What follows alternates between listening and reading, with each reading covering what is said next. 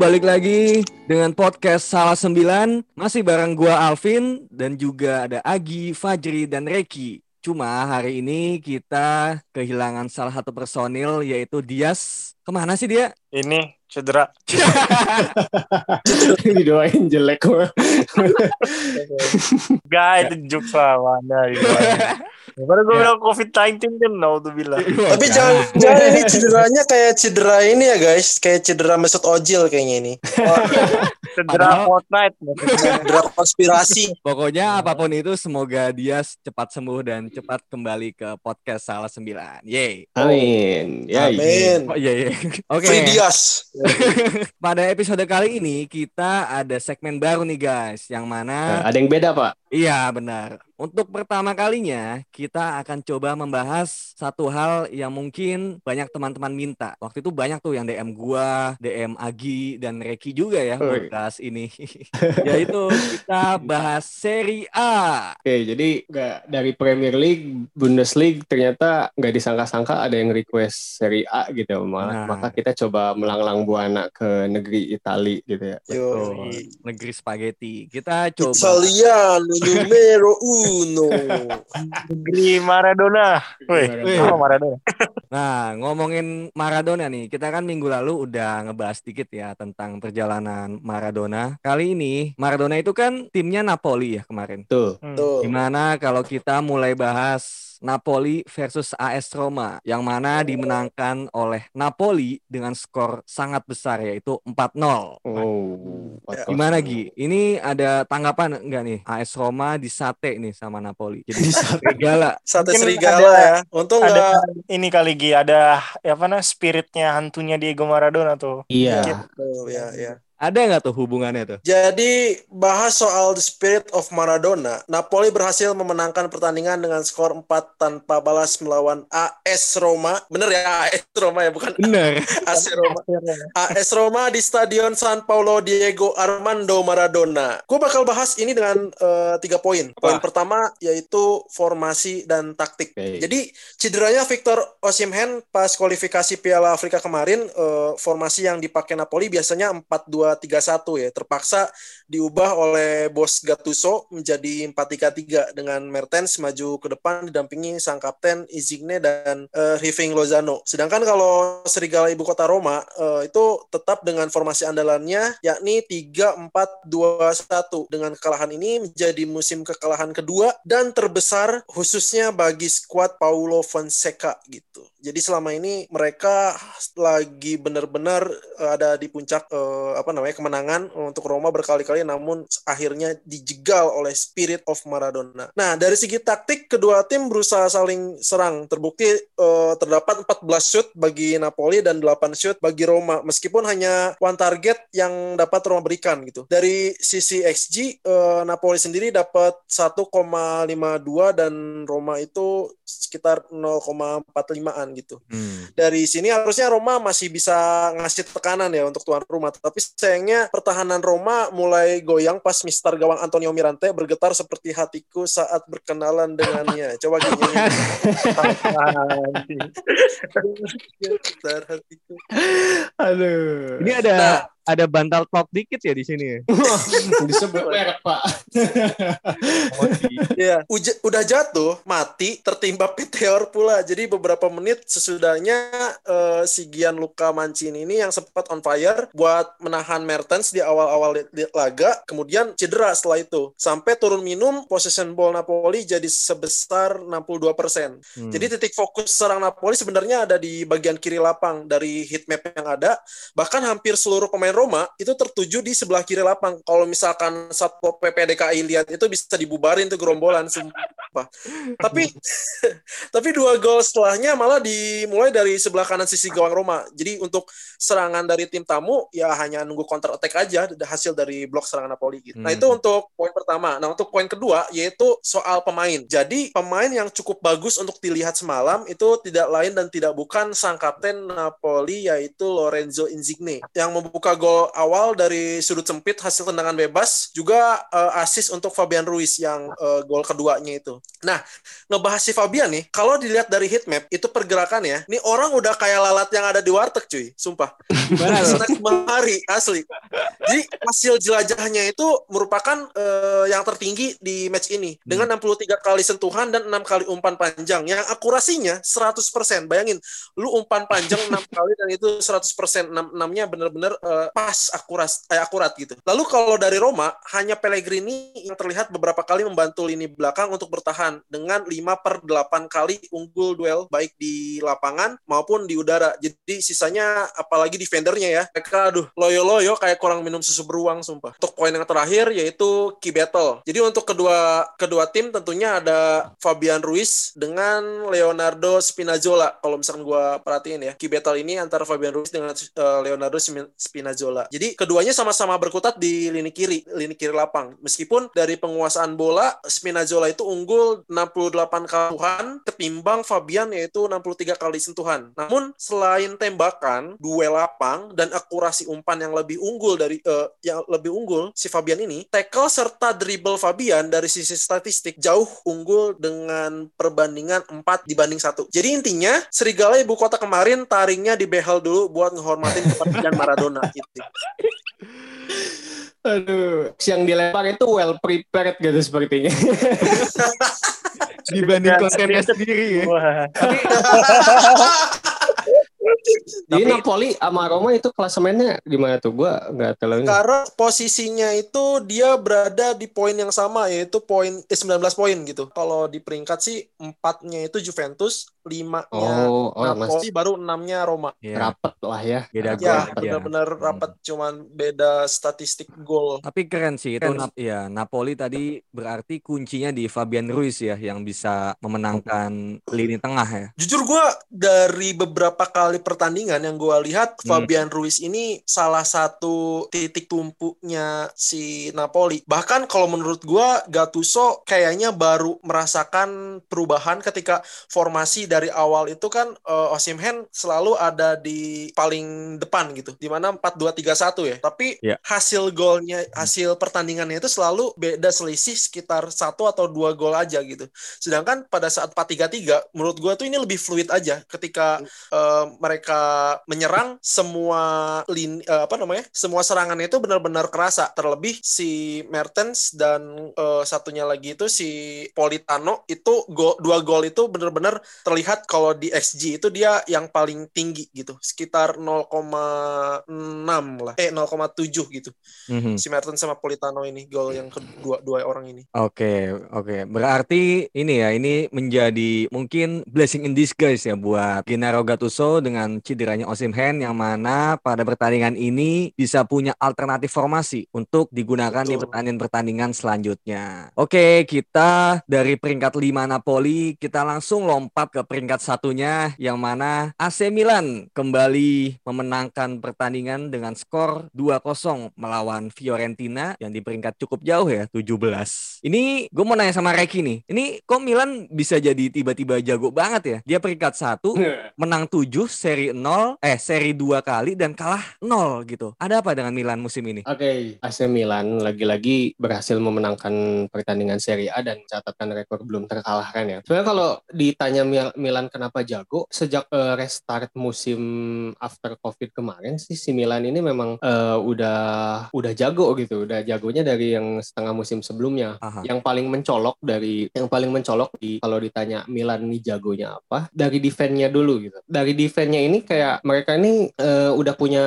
foreback yang paten lewat duetnya Romagnoli sama Kejair gitu. Dan di kanan ada Calabria, di kiri ada Theo Hernandez. Nah, keempatnya itu eh, udah punya sistem yang emang si Pioli ini paten gitu. Mereka ini kalau gua baca di beberapa artikel ada yang nyebutnya smart defending gitu. Jadi kayak udah punya sat, eh, udah punya saling pengertiannya gitu untuk saling menutup satu sama lain. Nah, eh, sebelum gua bahas soal defense-nya itu, gua mau balik dulu ke match lawan Vina. Nanti akan gua singgung dikit soal defense-nya ini di pembahasan match-nya. Jadi eh, saat menang 2-0 lawan Fiorentina kemarin, dari segi taktik si Milan ini tampil memang tidak pernah berubah, pasti 4-2-3-1. Setidaknya di musim ini ya, di musim dari awal Serie A ini eh, mereka main dengan pola 4-2-3-1. Pola dasar dasarnya. Walaupun ketika mereka sedang bertahan, sedang tidak memegang bola, Aha. si polanya itu akan berubah jadi 4-4-2 gitu. Karena mereka ini eh, menerapkan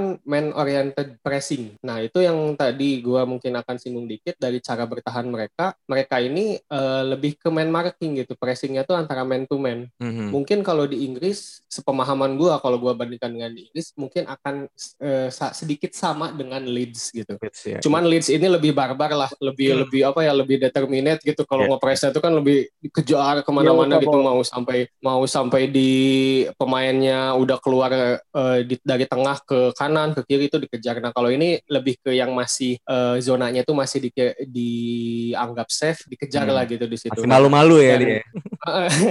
Cuman itu efektif banget untuk Ah, oke. ukuran di Serie A gitu. Gua nggak tahu apakah kalau misalnya ini diterapkan di Liga Inggris yang lebih cepat gitu mainnya, mungkin akan banyak menguras tenaga. Tapi Hmm. di Serie A sendiri AC Milan menerapkan man oriented pressing ini Oke. eh, cukup efektif gitu dan atribut-atribut pemainnya pun mendukung untuk itu. Makanya eh, AC Milan berbenah dari segi sistem defendingnya dulu. Pressing ini pun berlaku dari belakang sampai ke depan gitu, Eh, sampai ke tiga eh, gelandang di depannya. Nah, bicara soal game plan dari kedua tim, AC Milan yang tadi gue bilang patennya udah jelas 4-2-3-1, namun ketiga gelandang yang di belakang strikernya ini Milan punya banyak pilihan Mhm. eh, punya banyak versatility yang yang lumayan dalam menurut gua. Jadi kalau patennya yang sering gua lihat nomor 10-nya ini Hakan Calhanoglu gitu. Kirinya Oh. itu Ante Rebic dan kanannya ini Saelmakers untuk di musim ini. Tapi Gimana, mereka ini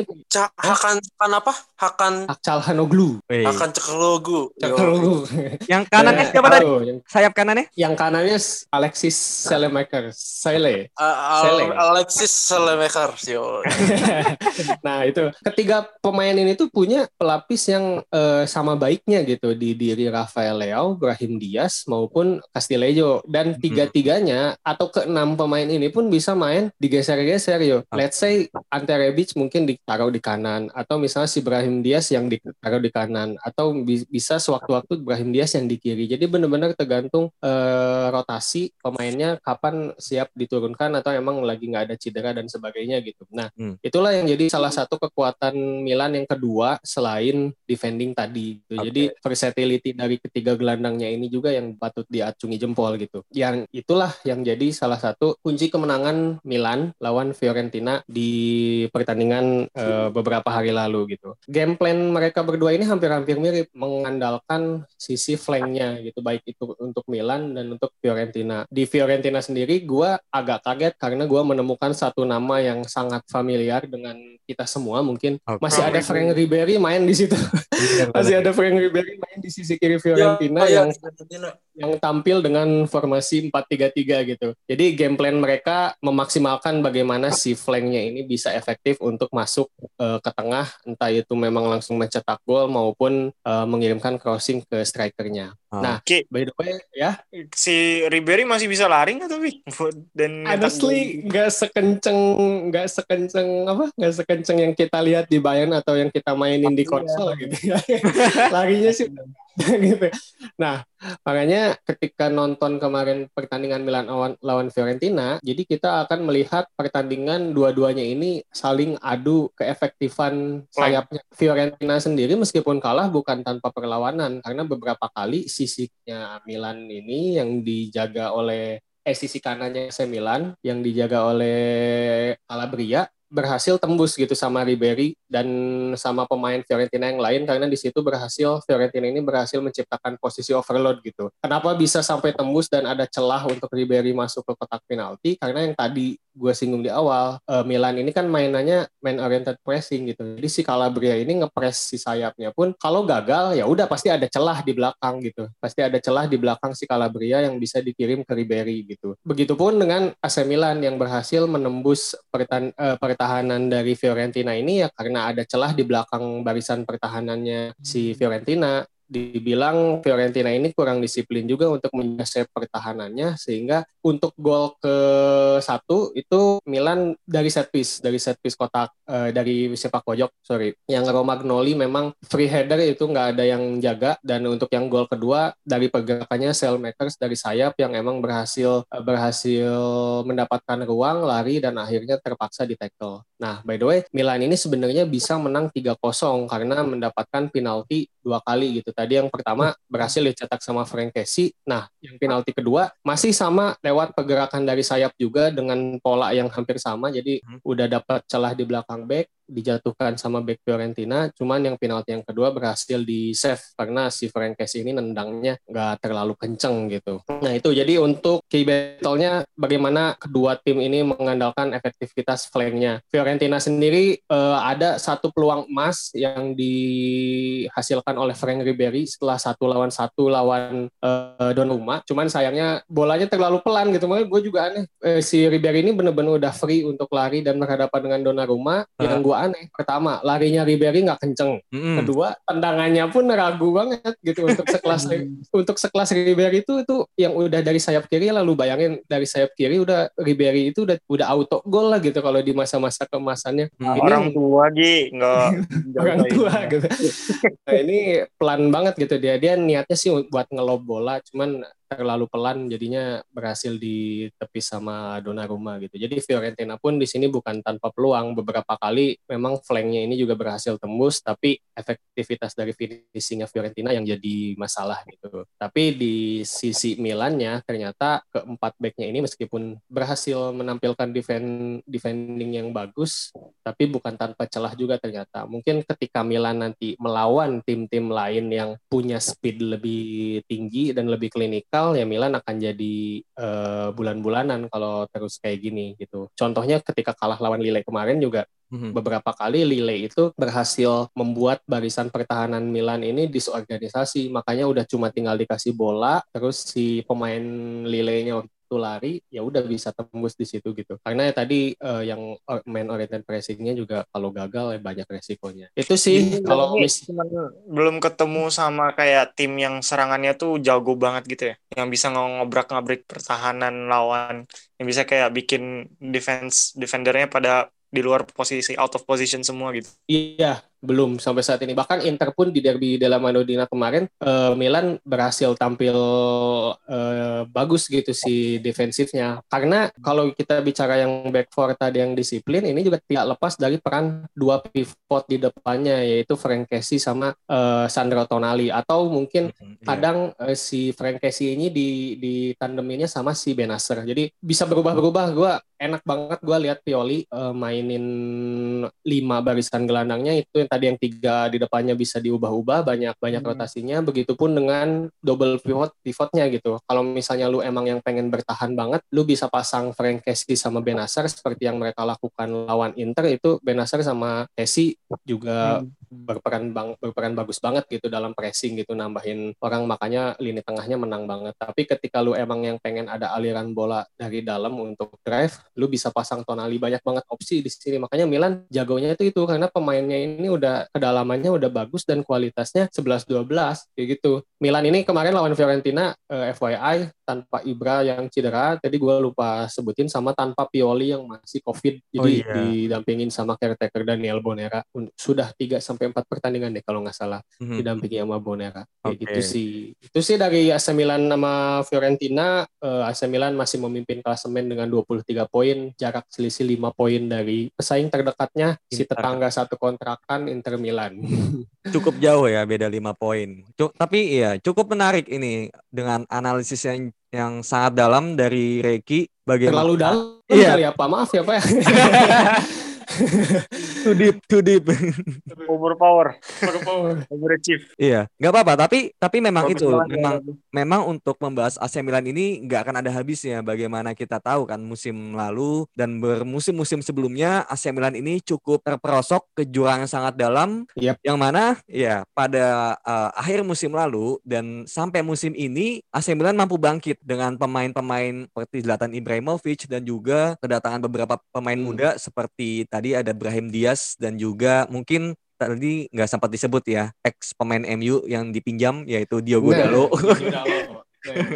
Ya, jadi menarik untuk kita tunggu kiprah AC Milan ke depannya dan beberapa pertandingan Ya. eh, setelahnya apalagi yang tanpa Zlatan ya, apakah masih mampu untuk Ya. melanjutkan tren positifnya? Kita tunggu selanjutnya. Dan juga Zlatan ini punya aura magis dan ini ya, aura juara yang Udah mana ngasih PS5 juga dia kan. Iya, iya, ke siapa tuh? Gue lupa. Banyak pemain. Banyak ya. Iya, jadi Zlatan ini di samping dia juga sang juara, namun juga sang dermawan. iya. Dan selain itu juga dari pertandingan lainnya ada Inter Milan yang mampu mengalahkan Sassuolo 3-0. Ini sebenarnya cukup big match ya, yang mana Inter ini peringkat 2 dan juga Sassuolo di ini bawahnya ya. Iya peringkat tiga dan ya nam- namun karena tidak ada yang menonton jadi mungkin nggak akan kita bahas dan juga, ada match lainnya yaitu Juventus yang mungkin masih agak sulit ya menemukan performa terbaiknya. Di sini Juve tertahan imbang satu-satu melawan Benevento di kandang sendiri. Yang mana lucunya Alvaro Morata ini kena kartu merah di menit 97. Kayaknya pas match udah selesai katanya sih. Buset 97 ngapain? Iya. Mungkin protes kali ya nggak tahu ya. Jadi jadi memang di sini Juventus masih mencoba otak-atik dengan Andrea Pirlo. Kita tunggu juga di match selanjutnya mungkin bakal kita bahas. Kemudian kita move dulu ke negeri Matador. Kita bahas La Liga. Di sini mungkin kita juga cukup baru ya bahas La Liga. Biasanya kita nggak nggak banyak kita bahas La Liga. Nggak ada malah kayaknya. Nggak ada ya. Padahal ada Real, iya. Padahal ada Real Iya. Madrid, ada Barcelona juga. Di sini mungkin gua mulai dari Real Madrid ya, yang mana bakal gua bahas sedikit di mana Real Madrid ini mengalami kekalahan 1-2 melawan Alaves. Agak mengejutkan juga, namun nggak mengejutkan ketika kita melihat susunan formasi yang agak lucu di sini. Real Madrid ini tampil tanpa Ramos, Carvajal, Benzema, Jovic. Udah itu sih sebenarnya. Pada ke mana itu? Iya. Iya, Ramos sama Benzema itu dia mereka kayak cedera yang nggak terlalu parah sih. Mungkin match eh, di Liga Champion udah bisa main. Kalau Carvajal gua lihat-lihat tuh udah cukup lama dia absen yang mana sayap kanannya itu diganti oleh Lucas Vazquez. Agak aneh karena sebenarnya ada juga bek kanannya itu si Odriozola yang sempat dipinjamkan ke Bayern Munchen musim lalu tapi nggak ada di bench bahkan. Kalau Jovic dia kena COVID Oh. setelah iya setelah apa namanya international break kemarin. Nah, yang sueknya lagi nih ya, Eden Hazard kembali cedera. Iya kocak anjir. Lebih banyak istirahatnya ya ketimbang gol dan tampilnya. iya. Tapi gue ngomong kayak gitu soalnya ya gue Alcantara juga gitu. investasi bodong ya. Bodoh. Ah, kena Tapi- tipu. tapi- Tapi Thiago, Thiago pas main bagus banget kan. Mm-mm. Liverpool jadi bagus. Sekalinya banget. main. Ya, sekalinya Sekalinya main. Kalau- bagus. Hazard eh, emang eh, pas dia main langsung bagus banget ya. Kayak Jelek juga mainnya. iya, gue nggak terlalu nangkep. Padahal Hazard jadi ini apa eh, cover boy FIFA 20 dan itu FIFA 20 loh. Ini udah FIFA 21. Dia kayak belum belum nunjukin gitu loh performa terbaiknya. Iya. Kita coba lihat iya. aja. Menurut, gue Hazard ini lebih ke apa ya kasihan sih sebenarnya dia belum sempat menunjukkan performanya tapi langsung dihajar cedera. Gue juga nggak tahu ya ini salah dia atau salah medical timnya. Tapi yang pasti kita doakan ya, ya kita pasti semua kangen ya sem- Iya. eh, dengan permainan Hazard yang sangat bagus di Liga Inggris dua musim lalu. Ya kita sebenarnya berharap dia kembali ke performanya. Tapi oke kita mungkin kembali bahas untuk matchnya sendiri. Di sini striker yang digunakan karena dua striker itu semua absen ya. Jadi yang bermain adalah Mariano Diaz. Yang mana ini gue juga nggak tahu ya ini pemain bagus atau enggak tapi kalau lihat dari hasil matchnya ya dia kayaknya nggak terlalu cukup klinikal. Depan gawang dia ada satu peluang yang one on one dari sisi kiri namun tidak bisa menjadi gol. Kayak gitu. Dan juga sebenarnya untuk uh, susunan pemain sendiri di sini sebenarnya di bench itu cukup kaya ya. Ada Isco ada Odegaard Rodrigo dan juga Vinicius Junior. Namun mereka semua bermain di babak kedua. Nah untuk permainannya sendiri di sini me kalau misalnya bicara expected goals sebenarnya sama 2,3 berbanding 2,3 dan juga untuk possession ini 67 berbanding 33 persen. Shotsnya dua kali lipat sih sebenarnya Real Madrid 20 dan 8 on target sedangkan Alaves eh, 10 dan 5 on target. Namun Eh, sebenarnya hmm? Berarti 2,3 lawan 2,3 tapi Alaves 2, Madrid 1 ya? Berarti benar. harusnya seri ya nih Ini pertandingan. seri ya. Ya, kalau kalau ngelihat XG doang sebenarnya seri, tapi di sini permasalahan lainnya adalah Real Madrid ini nggak bisa cetak gol karena kita lihat dari shot tadi kan, dia dari 20 shot cuma 8 on target, 12-nya entah ke mana ya. Mungkin ke langit dan juga ke mana gitu. Yang mana kita juga bisa lihat di sini gua ada statistik namanya PSXG yang mana ini untuk diperuntukkan untuk kiper ya, kiper Alaves. Dia juga berarti 2,3. Yang mana artinya kiper ini juga cukup bagus. Ada dua peluang yang harusnya menjadi gol namun hanya satu yang masuk. Hmm. Di sini juga peluang yang masuk pun itu dari Casemiro di menit ke-85 yang mana XG-nya itu 0,9. Jadi memang udah 90% gol lah karena itu udah kemelut depan gawang yang mana tinggal sontek. Kayaknya nenek gue juga bisa gitu. Jadi jadi selain itu pun kalau gue lihat statistik peluang-peluang dari si Mariano, Hazard, Rodrigo dan juga Vinicius itu nggak lebih dari 0,5 XG-nya. Yang mana bisa kita simpulkan dari situ bahwa Real Madrid ini tidak bisa cetak gol, tidak cukup klinikal dalam menyelesaikan peluang di depan gawang seperti itu. Padahal XG-nya juga cukup besar. Sedangkan Alaves, jadi tadi kan udah gua bahas juga ya, posisinya 67%. Berarti kita bisa menerjemahkan bahwa Alaves ini bermain cukup dalam, cukup eh, low block. Nah, yang mana meninggalkan hanya dua center back Real Madrid di belakang. Di situlah Alaves banyak eh, melakukan counter attack yang berujung pada 5 shot on target. Yang mana gue yakin kalau misalnya kualitas pemainnya lebih bagus lagi atau kualitas finish yang lebih bagus lagi ini bisa tiga atau empat gol sebenarnya karena Courtois juga sebenarnya tampil cukup baik bisa menahan itu semua. Sebenarnya gol-gol Alaves juga satu penalti dan kedua itu blundernya Courtois. Dia eh, apa mau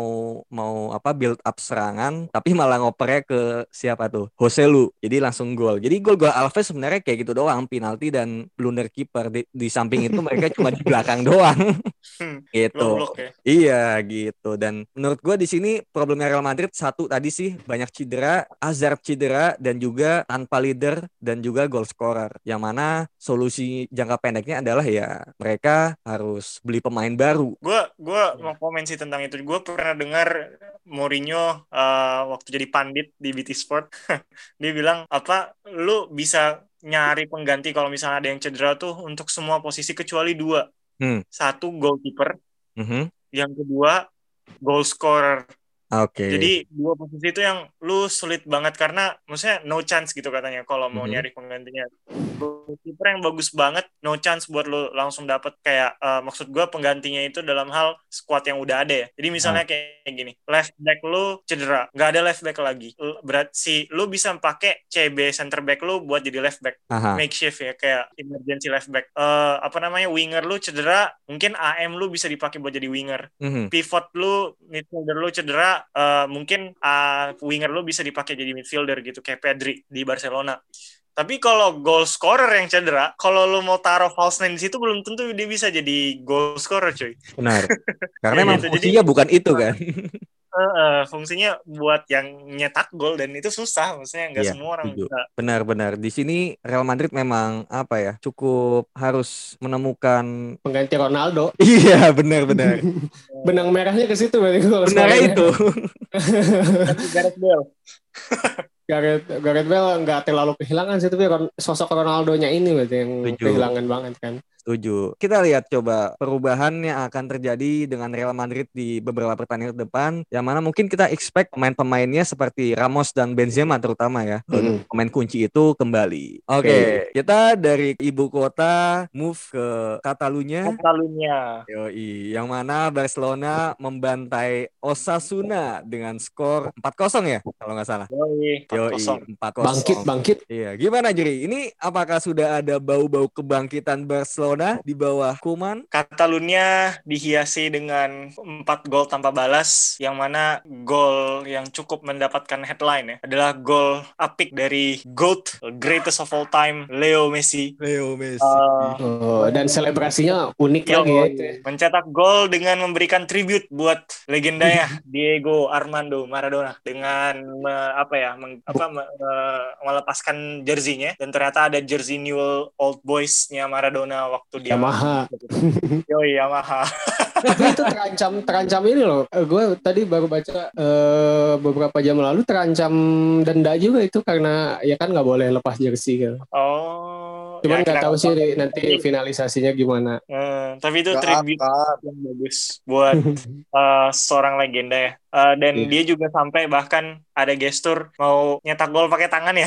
Kalau lu lihat di golnya apa namanya? Gol yang uh, dari diumpan dari Alba, itu Mhm. dia pas habis diumpan dari Alba ditendang Coutinho, itu sempat mau dipukul sama Messi pakai tangannya. Jadi. Itu semacam gestur ya orang-orang bilang itu gestur kayak pengen ngegolin pakai tangan buat niru Maradona. Jadi Betul. suka tribute aja. Disahkan Nah, nggak itu itu kalau jadi terjadi kalau Ya, terjadi disahkan nggak? Kagak lah. Kartu merah ya. Sekarang kan ada VAR, sekarang nggak ada VAR. Offset iya. aja bermasalah apalagi Oh, iya. kayak gitu. Offset Siapa jempol tahu aja. gitu kan. Oh ya udah dalam rangka Maradona sah deh. Kasihan Osasuna. ya. Oke. Oke, jadi Gimana, eh, itu menghiasi ya pertandingan yang tadi kalau Alvin nanya apakah ini kebangkitan Barcelona? Eh, menurut gue dan gue setuju sama apa yang Coach Justin bilang di videonya Eh, ya baca luar biasa dan menurut gue ini menjadi op- sumber optimisme. Nah ini gue bakal ngebagi penjelasan gue dalam tiga parts ya. Empat ding formasi personil key battle sama statistik. Kalau untuk formasi pretty straightforward. Eh, di sini dua-duanya menggunakan eh sorry baca menggunakan 4231 sedangkan Osasuna menggunakan 442 Hmm. Nah, secara personil gimana? Oke, mulai Iya. dari ini ya, depan Martin Braithwaite, striker tunggal nomor sembilan. 9. Oh iya. Martin Braithwaite nomor 9. Lalu belakangnya siapa? You would guess. Biasanya gue mikirnya ya sebelum nonton pertandingan ini gue kira Coutinho Hmm. yang di nomor 10. Ternyata Posisi nomor 10. Ternyata Antoine Griezmann di Oh, posisi oke. nomor 10. ah, Filipe Coutinho di mana? Dia di kiri tapi bukan sayap. Jadi dia kayak agak inside gitu. Nah, nanti gue Oke. jelasin kalau gue udah masukin ke personil. Terus di kanan siapa? Siapa lagi kalau bukan Leo Messi? Eh, ki- fullback ada Jordi Alba biasa dan Serginho Dest salah satu pemain yang gue setuju ketika coach Justin bilang mainnya keren banget karena memang mainnya keren banget dan Oke. apa ya terkadang gue agak sayang aja karena Bayern dia Iya. hampir ke Bayern Hmm. sebelum Barca ngegaet nyuri dia kan. Dan ya Barca beruntung sih bisa dapat Serginho Dest. Menurut gue ini pemain bagus banget. Ya jadi timnas Amerika bisa optimis ya lihat ada Christian Pulisic, Gio Reyna, Serginho Dest dan teman-teman. Dua gelandang pivot Pedri yang sebenarnya biasanya winger tapi sekarang dia di pivot dan mainnya Jauh bagus banget juga. ya. Terus jauh habis itu banget bener. Heeh, terus eh, dan satunya salah satu pemain terbaik yang sekarang ada di Barcelona yaitu Frankie De Jong menurut gue ya Frankie De Jong Eh, terus di dua center back ada Clement Longley sama Mingueza Longley, bacanya Siapa tuh? Longley. Siapa tuh? CB satunya. Mingueza nih pemain cadangan juga harusnya Pique yang mainnya tapi kalau nggak Ah. salah Iya. Cedera kan? eh, jadi nggak bisa main cuman menurut gue nggak apa-apa dan nggak terlalu perlu Pique juga karena si Osasuna secara overall nggak terlalu ngancem Oke, masuk ke bagian kedua, gue mau bahas personil. Terkait personil ya, eh, maksudnya personil itu kayak semacam role mereka di lapangan. Mulai dari pertama gue pengen bahas ini sih, eh, hal yang paling menurut gue kunci permainan, yaitu nomor 10 nih. Siapa? Yaitu Antoine Griezmann. Menurut gue di Hmm. sini Antoine Griezmann tuh punya role semacam free roam gitu. Jadi dia bebas sih mau ke mana pun terserah. Terus eh, dia narik-narik defender gitu. Jadi eh, yang biasanya kita lihat ini pergerakan macam kayak gini tuh biasanya Ozil, Messi, gitu-gitu yang biasanya ngelakuin. Tapi Ah. ini Griezmann dan gue agak kaget karena biasanya Griezmann tuh di posisi second striker kan. Mhm. Yang mana second striker bukan kayak gitu tugasnya, bukan kayak pergerakan ke kiri ke kanan gitu lateral, tapi biasanya nusuk dia kan kayak apa namanya eh, ya kayak gitulah. Nah ini dia perannya tuh kunci banget menurut gue. Menurut gue ketika dia free roam dia banyak banget ngedrag defender keluar posisi. Jadi di sinilah menurut gue justru kunci kemenangannya Barca tuh menurut gue adalah di Antoine Griezmann. Jadi eh, pergerakannya ini pergerakan tanpa bolanya off the ball, Oke. ball movement ini yang bikin mereka menang. Berarti bukan Ah, Braithwaite ya? Kenapa? Bukan. Nanti gue jelasin Braithwaite gunanya apa. Dia berguna, dia berfungsi juga. Oh, Oke. Eh, jadi di sini menurut gue ini kayak statement dari Ronald Koeman yang pengen Mhm. ngasih tahu bahwa kita jangan sampai Messi dependent Messi dependensia kayak Mm-mm. tahun-tahun lalu. Oke. Jangan sampai lah. Dan menurut gua di sini dia ngegunain Messi dengan baik dan dia memberikan semacam tongkat estafet buat Griezmann buat jadi key player buat Barca ke depannya gitu. Kalau memang Griezmann di posisi ini terus ya, menurut gua Mhm. bagus banget. Dan kedua hal yang menarik buat dilihat adalah Coutinho. Coutinho juga dia semacam half space kiri gitu. Jadi dia nggak winger tradisional yang cutting inside, tapi memang dia dari awal half space kiri. Dia Hmm. kadang-kadang suka melebar, kadang-kadang suka di ini. Tapi dia, nah menurut gue di sini perannya Coutinho tuh dia narik eh, narik si Nacho Vidal yang mana Nacho Vidal ini right backnya si Osasuna Masih. buat ke dalam. Ah, Jadi ketika Nacho Vidal ke dalam, ada space yang terbuka di luar. Yang mana Alba Alba yang benar-benar exploiting. Jadi kayak kalau lu nonton pertandingannya itu Alba tuh kayak mirip wingback. Jadi dia kayak makanya gua menurut gua di sini Alba tuh kayak posisinya kayak Dani Alves dulu tapi di sebelah kiri. Mhm. Iya. Dan iya. kalau kalau gue ya gue salah satu apa ya pokoknya penggemar Barca pas zaman 2010-nya ketika Alves maju pasti ada orang yang cover di kanan. Kalau dulu Busquets, Mm-mm. Busquets dulu nge-cover ketika Alves selalu nge-cover wing ketika Alves maju. Nah, di sini sama yang cover itu De Jong penerusnya. Jadi De Jong pasti eh, kalau Alba maju dia bakal ada di sebelah kiri belakangnya Coutinho kayak gitu. Jadi Coutinho tugasnya buat narik defender, right back Nako, Nako Vidal buat masuk di luar eh apa space yang di luar dieksploitasi sama Jordi Alba. Terus habis itu space di belakangnya Jordi Alba biar nggak di counter attack itu di cover sama De Jong. Kayak gitu sih. Eh, apa untuk di sebelah kiri. Nah, gimana dengan sebelah kanan? Ada sebenarnya hampir sama sih. Jadi Leo Messi itu dia agak free juga di sebelah kanan, tapi dia lebih banyak cutting inside sama sama drop deep. Jadi dia masuk ke dalam sama dia turun gitu loh buat ngambil bola. Nah, biasanya memang serangan dimulai dari Messi gitu. Kayak gol ketiga itu dimulai dari Messi. Jadi dia dari kanan dia nusuk one two dengan Braithwaite, one two dan Griezmann gitu-gitu. Terus dia ngasih operan bagus banget gol. Sorry, gol pertama. Gol pertama dia ngasih operan bagus banget ke Alba yang akhirnya berubah jadi gol karena di situ ada space bagus banget. Nah, Mhm. Uh, tapi selain itu Messi juga fungsinya untuk sama seperti Coutinho narik left backnya Ron Caglia buat masuk agar ada space terbuka di luar biar Serginho Des bisa masuk. Nah kayak gitu sih. Jadi uh, apa namanya uh, polanya hampir hampir sama ya. Jadi nah ini menurut gua uh, terkait uh, ya nanti gua akan bahas lebih banyak lagi sih di Key Battle. Tapi intinya gitu. Nah gimana peran Martin Braithwaite? Martin Braithwaite sebenarnya menurut gue di sini posisinya dia run-nya itu lumayan bagus-bagus ya larinya bagus tapi finishing touch sebagai clinical strikernya ini yang masih kurang Hmm. Uh, nah oke. menurut gue di sini fungsi dia itu adalah seperti kayak Giroud ini menurut gue pribadi ya dia fungsinya tuh buat pemantul aja Oke. buat Oh. runner-runner yang di belakangnya gitu Ini posternya gede gak sih? gede gede lumayan lumayan Oke. tinggi dia sama fisiknya lumayan kuat jadi dia bagus buat menang aerial duel Berarti- gitu, gitu. Kayak Igalo ya. ya, ya bisa Karena orang orang-orang tuh pada nggak ngeh kalau Barca itu beli Braithwaite gitu yang ya betul Udah tua juga nggak sih? Mukanya kayak tua gitu loh. Apa ya? Enggak, enggak. Iya. Eh, iya, sama dia ini. sekarang 29 tahun sih. Oh iya. Dia iya. 29 tahun sih sekarang. Jadi nggak ya nggak muda lagi sih.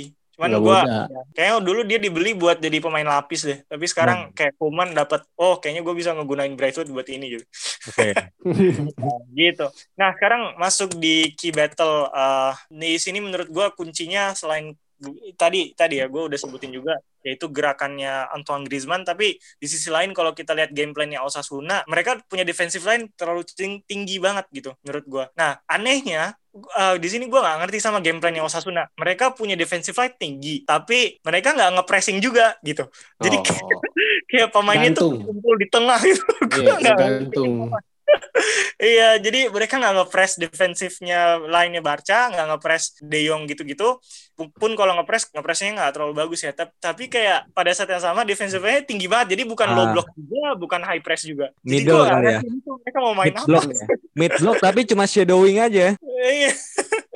Iya, makanya dan ah, ya itulah yang akhirnya defensive line tinggi itu dieksploitasi habis-habisan sama Barcelona gitu. Terus menurut gue di sini switch play menjadi key battle kedua adalah switch play itu menjadi hal yang cukup bag, apa krusial ya. Jadi kayak strateginya Barca dengan permainan yang mereka yang cukup fluid adalah mereka biasanya musatin satu permainan di sebelah kanan misalnya biasanya Messi ya mau inisiasi serangan segala macam tiba-tiba langsung switch play ke kiri.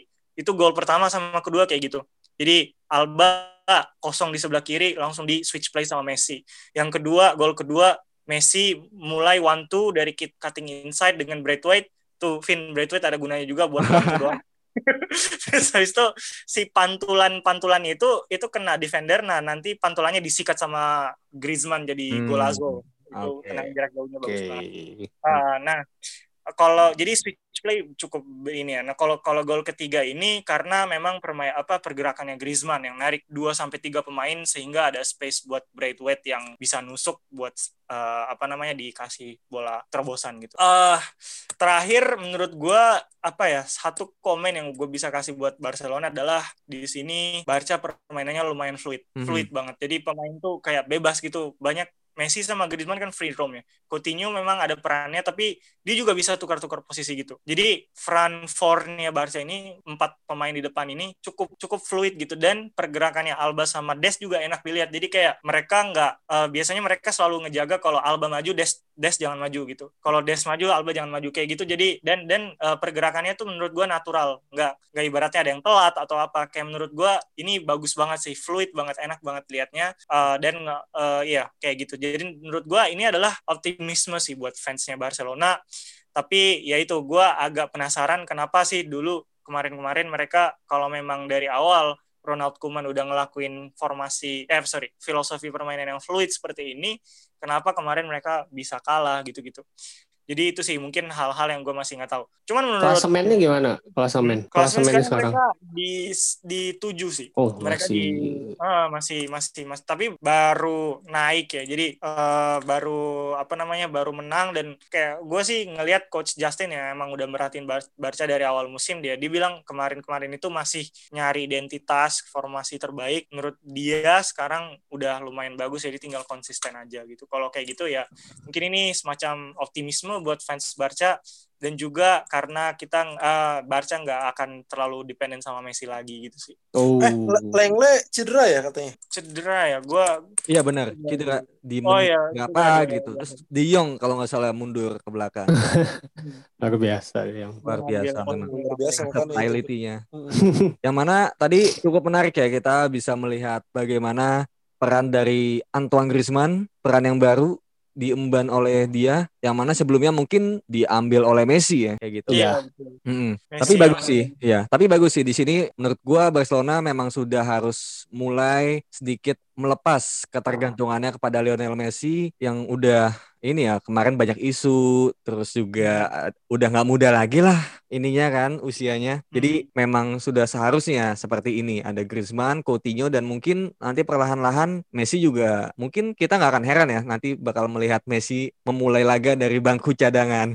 Iya. Iya, dan Iya. gue bakal sedih sih kalau ngeliat kayak gitu. Iya. Tapi beberapa pertandingan gue lihat si Koman juga kadang mencadangkan Messi du, satu apa dua pertandingan kemarin lah gue Hmm. nggak terlalu inget juga. Karena Selama dulu. ini juga pemain-pemainnya kayak Griezmann, terus eh, Coutinho mungkin dalam tanda kutip ngalah juga gitu sama Benar. keberadaannya Messi. Makanya si Griezmann kan di awal-awal musim kemarin kayak ada isu-isu buat dibawa lagi ke Atletico karena di Barca melempem lah apalah gitu. Iya. Ya, Bener yang Makanya kata gua- Alvin tadi. Makanya gue senang banget kayak out of topic ya eh, untuk selebrasinya si Griezmann lagi kembali muncul kayak yang joget. Iya udah gitu. lama. Wah, iya sumpah ngelihatnya aja kayak seneng gitu kita. Kayak Ngeledek dia- gitu joget Pemain ngeledek. mahal anjir dibeli. Hmm. Ya mahal banget. Udah mulai- Iya. sebenarnya. Harap-. Harapannya Hazard kayak gitu juga sih gue. Harapannya. Kembali ke Hazard. Kalau Hazard sih menurut gue bener-bener karena individunya sih bukan sistem permainannya yang salah gitu. Memang memang si Hazardnya secara individu belum beres aja gitu nyelesain masalah sama dirinya entah mentalnya, cederanya dan lain-lain. Kalau di Barca kan itu emang sistem permainannya pada nggak cocok gitu. Semua ngikutin Messi bahkan kalau ditarik sampai jauh banget dulu Zlatan Ibrahimovic juga kan keluar dari Barca gara-gara ya Pep terlalu ya Messi sentris gitu malah si si Zlatan nggak mau gitu. Mm-mm. Sama gue mau ngasih tahu satu hal lagi sih terkait statistik tadi lupa. Eh, satu statistik yang menurut gue cukup bagus adalah Barca punya XG 3,7. XG. Oke. Jadi 3,7 Buat teman-teman yang nggak tahu XG bisa cek di episode sebelumnya ya. Iya. Mantap. Bukan ini ya, bukan merek elektronik ya. Kalau merek elektronik apa Ki? Diulang lagi. Ini bukan expected girlfriend kan ya? Expected goal. Ya, jadi di sini dan 3,7 itu cukup baik ya. Artinya Gede. kayak 4 gol mereka itu Hampir. deserve banget gitu sebenarnya. Jadi karena memang permainan mereka fluid dan ba- bagus gitu. Jadi sebenarnya 4 gol ini deserve banget bukan kayak gol-gol apa ya kayak gol-gol nggak sengaja gitu atau apalah pokoknya yang eh.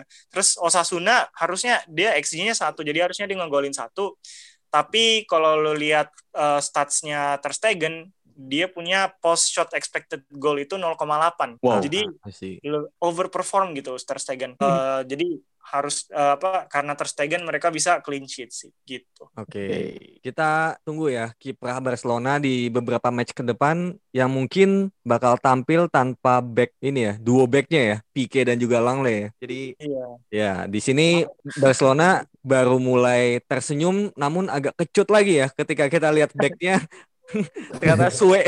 Berarti di puncak tuh sekarang si itu ya si Sociedad. Sociedad. Wah. Lucu sekali. Iya, La ini Liga. memang memang apa? Seri A, La Liga dan Liga Inggris terutama itu juga lucu-lucu ya klasemennya. Iya, iya. Ya, sekarang kita kembali ke liga utama yang biasa kita bahas yaitu Liga Inggris. Oh my God. Tapi kayaknya kita mungkin nggak bahas terlalu dalam ya untuk Liga Inggris ini, yang mana di sini perta- ada pertandingan yang katanya sih big match, katanya. Katanya sih big match. Iya. Katanya. Iya, tapi bosen banget gila. Gue nonton tuh mending gue tidur. Ya itu match. Iya, Chelsea versus Spurs, Ah, skornya kosong-kosong. kosong kosong. Nil nil. Iya. Di sini nggak banyak peluang sih, jadi ya. iya nggak nggak perlu lah kita bahas lah ya. Pertanyaan selanjutnya ada juga Brighton and Hove Albion melawan Liverpool, yang mana suwe lagi ini Liverpool. Harusnya bisa tiga kosong itu bullshit. Pak. Far is bullshit. Bisa tiga kosong itu. Gue ketawa kayak lega banget itu lihat Liverpool kebobolan menit 90 VAR penalti pula. Dua gol Liverpool ini dianulir itu Nah. golnya Sadio Mane sama golnya Mohamed Salah. Eh salah ya Salah, iya. Yang mana katanya Salah ini offsetnya cuma sejempol. ya sama kasusnya kayak yang waktu Bamford offsetnya itu offset jarinya kayak gitu. Iya kan? Iya. Mungkin memang eh, VR ini perlu dikaji ulang ya untuk regulasi handball dan offside ya karena agak rancu sepertinya gitu. Tapi lagi lagi-lagi kita nggak akan bahas match itu. Dan kemudian ada juga Manchester City. Nggak tahu nih ya Man City is back atau enggak dia ngehajar Burnley dengan skor 5-0 yang mana Riyad Mahrez berhasil mencetak hat-trick Hat-trick. Iya. Itu tradisi FAI lawan Oh, ya? Burnley itu selalu 5-0 dalam selalu ya? pertandingan terakhir ya. Jadi ya memang kayak lawan Burnley itu mungkin udah auto latihan. udah ada patternnya ya 5-0 5-0 5-0. Hmm. Untuk pertanyaan selanjutnya ada Manchester United yang mampu comeback dari ketertinggalan 2-0 menjadi 3-2 lewat Comeback. Ya lewat El Matador Cavani dua gol di sini ini ya kayak dia menjadi reinkarnasi oleh Gunnar Solskjaer. Babak kedua masuk membuat impact yaitu satu assist dan juga dua gol. Di situ menjadi menurut gua cukup jenius ya oleh Gunnar Solskjaer di sini bisa merespon pertandingan dengan cepat dengan memasukkan Cavani. Namun juga satu sisi menjadi sebuah kepahitan yang mana seperti kita tahu David De Gea harus keluar di akhir babak pertama karena lututnya nabrak tiang pas mau coba nepis tipis tendangannya Oh, apa? ya. Iya pas free kick kan sakit tuh kayak Oh, lutut kena tiang. Nah, di sini cukup sih sebenarnya untuk MU ini karena kita tahu lah ya MU 3-2 ini udah biasa, udah biasa comeback dari dulu. nah, pertandingan yang mungkin akan menjadi pamungkas di sini adalah kekalahan Arsenal melawan Wolverhampton. Di sini Dapat Arsenal disatain nih sama Serigala nih, Serigala Wolves. Oke. Satu dua mungkin eh, singkat aja Rek, gimana Rek ini? Ya. Arsenal ini kenapa nih? Kalah, kata udah tiga kali ya, tiga kali. peringkat 14 sekarang Rek, gimana dong? Peringkat 14 ya, sesuai dengan nomor punggung legendnya 14 gitu. Jadi eh, Arsenal ini melanjutkan tren buruknya ya di lima pertandingan terakhir gitu tak pernah eh, merasakan kemenangan. Namun ada yang lebih buruk dari merasakan kekalahan gitu. Yaitu Arsenal nggak bisa mencetak gol. Kecuali di pertandingan ya lu udah kalah dan lu nggak bisa ngegolin itu kan artinya secara singkat gitu lu nggak bisa ngasih perlawanan dan ternyata memang di lapangannya pun seperti itu gitu. Game plan Arsenal ini yang cuma ngandelin eh, bola dialirin ke, ke wing ke winger lalu mereka crossing ini sangat-sangat ketebak selama 90 menit yang bikin Arsenal ini tidak ada shoot on goal yang eh, berkualitas gitu dari barisan pemain depannya. Mhm. Auba pun cuma ada satu peluang, itu pun karena blundernya si Rui Patricio itu yang lagi mau pas, terus Auba kebetulan aja itu bukan ngepres, memang bukan sistem pressing Arsenal yang bagus, cuman emang kebetulan aja si Auba kena gitu. Aha. Terus Auba udah satu lawan satu dengan si Patricio, kipernya Wolves, tapi ragu-ragu alhasil backnya Wolves udah pada turun buat ngeblok shootnya Auba gitu. Itu doang peluang, itu kan bukan dari open play. Mhm. Kalau bicara open play juga di lima pertandingan Arsenal yang kalah ke belakang ini emang eh, nggak ada peluang dari open play termasuk saat Arsenal menang lawan MU pun sebenarnya dari peluang yang emang berkualitas eh, jadi shoot on goal atau yang jadi ancaman buat lawan juga nggak ada gitu makanya gue yang gue bilang tadi sedih gitu ada yang lebih bikin sedih daripada Arsenalnya kalah yaitu Arsenal nggak bisa ngecetak gol sama sekali, nggak bisa bikin Hmm. peluang kayak gitu. Sementara kalau dari sisi Wolves-nya, eh, game plan Wolves di sini memanfaatkan eh, barisan eh, tiga gelandang di belakang Raul Jimenez-nya, yaitu Neto, terus eh, Podence sama Adama Traore gitu. Adama Traore sebenarnya di sisi kanan Wolves itu berhasil disakuin Tierney gitu. Jadi Adama Adama meskipun badannya segede itu ya berhasil di stop sama Tierney eh, sehingga nggak terlalu banyak mengancam, nggak terlalu banyak space untuk eh, lari di belakang Tierney gitu. Kebalikannya di sebelah kanan Bellerin ini banyak ninggalin space buat si Neto, makanya eh, si Arsenal ini diobrak-abrik dari situ. Sebenarnya Hmm. Wolves ini meskipun gameplaynya dari sayap, mereka mau milih nembus Arsenal dari tengah pun bisa banget karena Saka sama Sebalos Sebalos ini kayak nggak punya resistance gitu loh di lini tengah itu gampang banget ketembus. Mereka nggak Hmm. bisa press, mereka juga eh, beda lah dengan eh, Partey dan El Neni. Makanya Arsenal ini bisa ditembus dari mana aja sebenarnya kecuali dari sisinya Tierney ya karena Tierney eh, tak tampil paling konsisten di lima pertandingan ini gitu meskipun kalah. Terus ya itulah penyebab kekalahannya itu. Jadi bisa ditembus dari mana aja lu tinggal pilih. Di tengah juga David David Luiz gampang juga ditembus gitu. Gua nggak tahu kenapa sampai saking udah udah nggak bisa berkata-kata lagi kenapa bisa gampang ditembus gitu. Mau itu ditembusnya di belakang mereka alias lari di belakang back ataupun emang ditembus dengan dribble juga eh, Arsenal beberapa kali disorganisasi karena di dribble sama Neto maupun sama Podence sih Aha. gitu. Jadi gua ini tiap nonton Arsenal seakan-akan semua tim yang lawan Arsenal di match day itu tiba-tiba menjadi jago gitu. Lawan Aston Villa Grealish bisa banget dribble eh, ngelewatin dua tiga gitu. Kemarin juga Neto sama Podence kalau eh, kalian nonton Neto ini ngelewatin banyak pemain juga gitu buat nge ngobrak abrik gitu. Makanya bener di sate tadi kalau bahasanya itu sih yang bikin bikin kalah gitu. Jadi game plan-nya Wolves ini kayak bonus gitu game plan-nya sebenarnya dari sayap tapi ternyata lu dapat bonus eh dari tengah juga bisa kok ditembus gitu. Makanya begitulah jadinya kalah. Eh, Singkatnya, hmm, si Auba kan udah di posisi yang bagus nih di posisi favoritnya di striker Betul. bukan di winger lagi. Nah itu kok masih nggak bisa ngegolin gitu? Kata lu tadi yang lebih sedih tuh karena Arsenal nggak bisa ngegolin golin. Ya. tapi Auba udah di posisi terbaik gitu. What happened? Kayak gitu jadi kalau menurut gua gua juga salah satu yang sering pakai hashtag di medsos put Auba in the middle gitu kan. Cuma ketika ditaruh di middle gue menyadari hal lain. Pas udah ditaruh di middle sekitar dua match ke belakang lah saat lawan Leeds juga udah ditaruh di middle kan. Ternyata memang dari sayapnya dari game plan kitanya yang emang pengen nyampein crossing nggak nyampe crossingnya cuy. Jadi Ah, kalau nggak memang eh, crossingnya kena sama back lawan yang emang udah pasti bisa didikte lah Arsenal pasti ke situ lagi ke situ lagi. Itu satu makanya gagal. Yang kedua adalah emang kualitas crossingnya aja jelek-jelek. Malah gue bisa bu- bisa bilang kualitas cross- crossingnya Bellerin masih lebih bagusan crossingnya Supardinasi ya kan dibanding Bellerin. Ini jadi ya simpelnya gini sih crossing itu yang penting bolanya nyampe ke kotak penalti juga lah eh ke kotak penalti dulu lah gitu. Ini mah nyampe ke kotak penalti aja kagak gitu. Gimana mau lu bilang bagus gitu nyampe ke kotak penalti aja kagak. Jadi masalah Arsenal tuh ternyata sampai ke situ gitu. Karena bicara soal passing kan kita bukan cuma si penerima umpannya aja ya let's say Auba di sini. Tapi si yang ngasihnya juga di sini banyak masalah gitu. Termasuk dari sisi sebelah kirinya lagi gitu kadang Saka Hmm. juga crossingnya nggak yang bener-bener nyampe ke tengah malah gue lihat mm-mm. crossingnya selain crossingnya jelek jenis crossingnya pun kayak ditujukan buat striker-striker yang gua tuh kemarin ngebayangin ada Giro di situ gitu Hmm, iya, iya.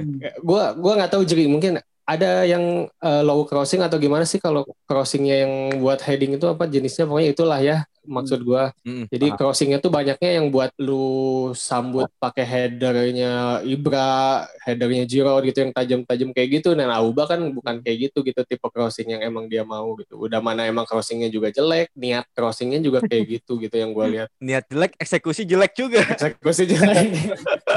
Makanya Auba nggak turun track nggak Apa? nggak ini. Auba nggak turun ngambil bola kan biasanya turun kalau turun. oh dia turun bagus Turun. sih kayak di build up Tapi ya eh, di situ juga ketika si Auba turun, ya yang lainnya di sini winger-wingernya Arsenal ini gua nggak tahu atau memang dari sistemnya Arteta nggak menginstruksi menginstruksikan untuk cut inside untuk lebih banyak masuk kotak penalti atau memang dari atribut merekanya yang emang nggak mampu kayak gitu. Jadi ketika Auba turun buka ruang pun yang sayap-sayapnya ini tuh malah tetap stay wide gitu, tetap Hmm. melebar gitu. Aja gitu. Nggak yang jadi masuk.